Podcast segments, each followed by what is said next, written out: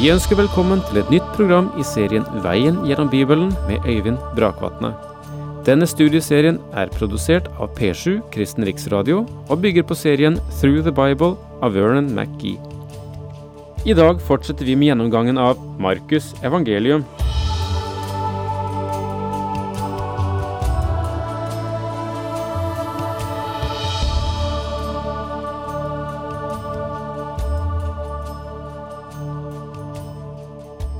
Ja, velkommen igjen til en ny samling omkring Guds ord. Jeg blir ikke trett av å minne oss om at hvis vi kan, så må vi følge med i våre egne bibler eller vårt eget Nytestamente. Men ikke alle kan det, og eh, et eldre ektepar har ringt til oss og sagt at vi beklager, men vi kan ikke følge med, for vi ser begge to så dårlig. Men vi er så takknemlige og glad for at du siterer så mye av Skriften som du gjør. Ja, eh, jeg synes at vi må ta med så mye vi kan. Og også andre er i en slik situasjon at de ikke kan følge med. Vi har mennesker som eh, hører på oss på sykehus, på eh, alles hjem. Vi har mennesker som er ute og reiser, sitter ved bilrattet og kan selvfølgelig ikke følge med da i Skriften, men må følge godt med på veien.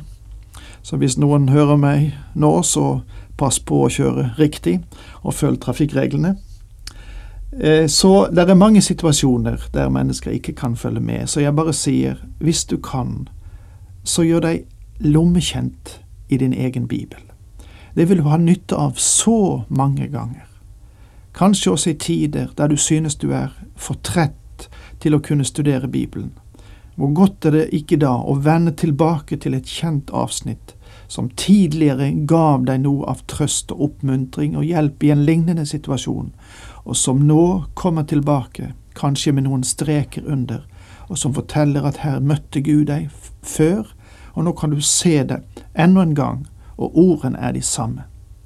Det å være kjent i sin bibel, i sin egen bok, det gir en forunderlig styrke og en hjelp i så mange situasjoner. Vi holder fremdeles på i Markusevangeliets Markus evangeliets andre kapittel.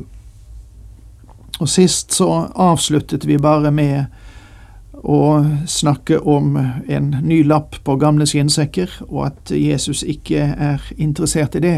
Han er kommet for å skape noe totalt nytt. Ny vin, tappes seg nye skinnsekker. Et nytt klesplagg for et nytt menneske. Og det er det det er. Det er, det er en helt ny situasjon å møte Jesus. Det er et nytt tideverv. Det er en ny fremtid, og det krever en ny kledning. Og denne rettferdighetens kappe gis hver av dem som ved tro er blitt Guds barn. Og dette er noe veldig, mine venner, å bli ikledd Hans rettferdighet. I siste delen av dette kapitlet, altså kapittel to i Markusevangeliet, kommer vi til sabbatsdagen på markene eller på åkeren. Og så, i kapittel tre, begynner vi med sabbatsdagen i synagogen. Disse hendelsene er også gjengitt hos Matteus og Lukas. Det er meget viktig, fordi det var på spørsmålet om sabbatsdagen at han brøt med de religiøse lederne. Merk dere det.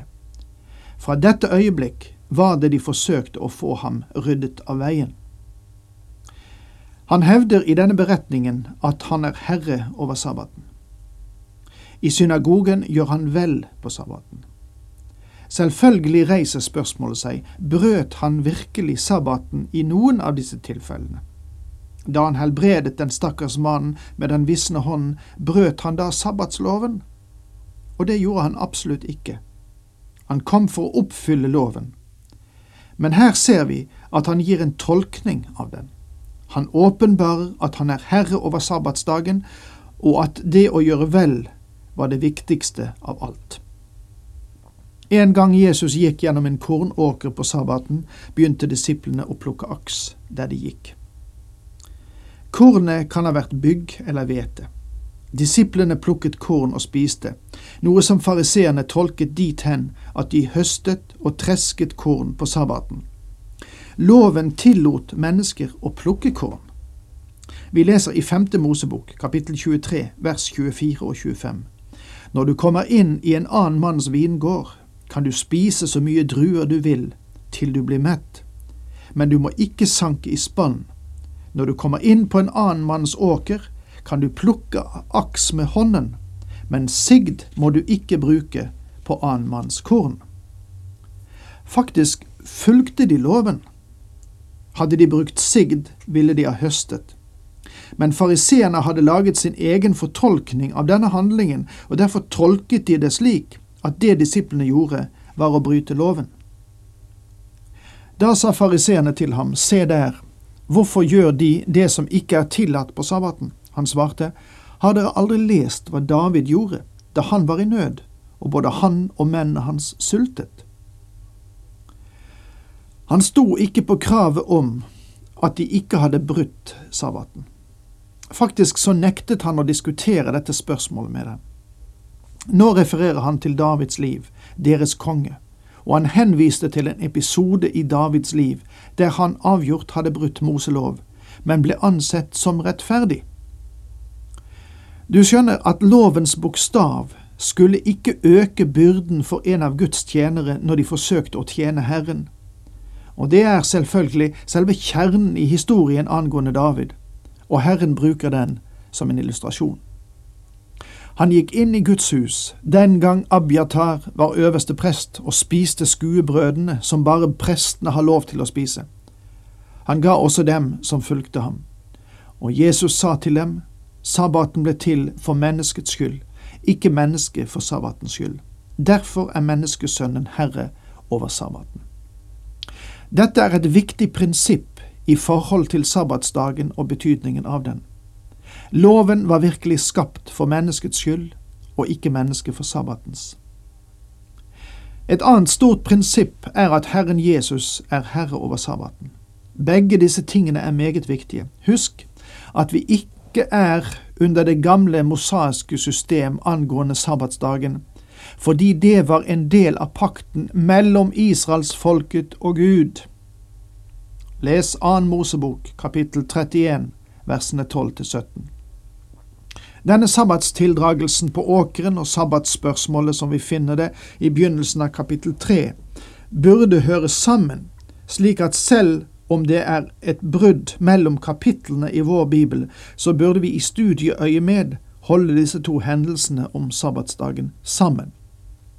Og La meg her bare få skyte inn at eh, i, i originalmanuskriptene eller i de manuskriptene som ligger til grunn for den teksten vi har, så er det ingen kapittel- og versinndeling. Eh, teksten løper fortløpende. Det er vi som senere, av praktiske hensyn, har delt det inn i kapitler og vers. Og Derfor så kan vi si at kapittel to og kapittel tre hører sammen nærmere i grunnmanuskriptene, i grunnskriftene, enn en det gjør i vår bibel. Men forsøk å holde disse to sammen kapittel 2 og kapittel 3 i Markusevangeliet. Vel, da springer vi med en gang over til det tredje kapittel. Og her, i det tredje kapittel, møter vi mannen med den visne hånden. Vi finner at en mengde mennesker blir helbredet ved Galileasjøen. Møte med urøne ånder. Det er nye disipler som kalles. De skriftlærde påstår at han driver ut demoner ved Beelzebul, og Jesus eh, markerer et nytt fellesskap som ikke nødvendigvis er knyttet til blodsfellesskap eller til vår slekt. Dette kapitlet, som allerede sagt, er fortsettelse av diskusjonen om sabbatsdagen, som førte til det avsluttende skisma i forholdet til de religiøse lederne. Det er helt klart av dette kapitlet at Jesus helbredet mange. Visse historier blir gjengitt hver for seg, på samme måte som den lamme som ble firt ned gjennom taket. Markus gjør inntrykk på oss i dette kapitlet, ikke ved å plassere mikroskopet på bestemte hendelser, men ved å la oss se gjennom teleskopet på de skarer Herren helbredet. Dette reiser spørsmålet om hvor mange Jesus egentlig kunne ta hånd om personlig. Ethvert forsøk på å anslå antallet ville være rene spekulasjonen. Men Markus vil åpenbart ha oss til å tro at det var et anselig antall. Han gikk igjen inn i en synagoge.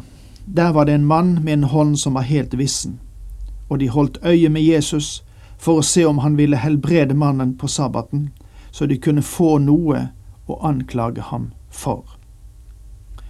Spørsmålet dukker frem om denne mannen, denne krøplingen, var plassert der med hensikt.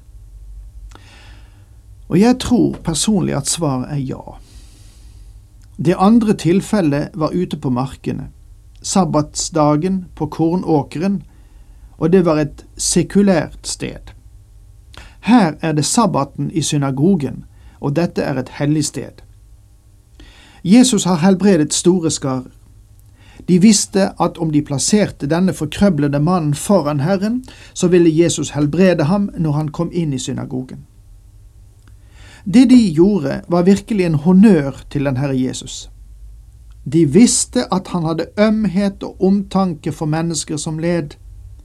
Men det de var ute etter, var selvfølgelig å kunne si at han brøt sabbaten ved å helbrede denne mannen på sabbatsdagen.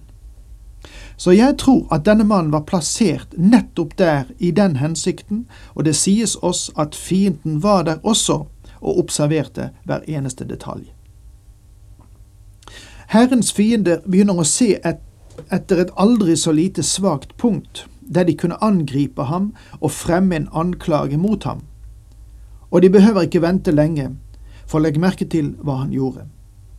Men han sa til mannen med den syke hånden, Reis deg og kom fram. Herren kommer til å gjøre noe her. Kanskje Wycliffs oversettelse er bedre på dette punktet. Han oversetter det slik. Reis deg og kom inn i midten og stå der. Med andre ord ville han ha denne mannen plassert i sentrum fordi han ønsker å si noe. Så spurte han dem, Hva er tillatt på sabbaten, gjøre godt eller gjøre ondt, å berge liv eller å ta liv? Men de tidde. De hadde lært seg til å ikke svare ham, fordi de kom alltid i vanskeligheter når de gjorde det. Da så han på alle omkring seg, harm og bedrøvet for deres harde hjerter, og sa til mannen, rekk ut hånden. Han gjorde det, og hånden ble frisk. Nå skar Jesus gjennom alle disse forbudstradisjonene deres og kom frem til sentrum i Guds hensikt med å gi sabbatsdagen, opprinnelig til Israel. De ville ikke svare ham fordi de visste at de selv ville komme på skam. Legg merke til at Herren ser seg omkring med harme. Du kan merke deg at Jesus kunne bli sint. Vil du se her også at um, sinne ikke nødvendigvis, min naturnødvendighet, behøver å være synd. Jesus ble her sint. Men han ble sint for de riktige tingene, mens vi mange ganger blir sint fordi at vår sårede stolthet skaper aggresjon i oss, og det er noe annet. Men dette temaet får vi ta opp en annen gang. Nå må vi si takk for nå, og Herren med deg.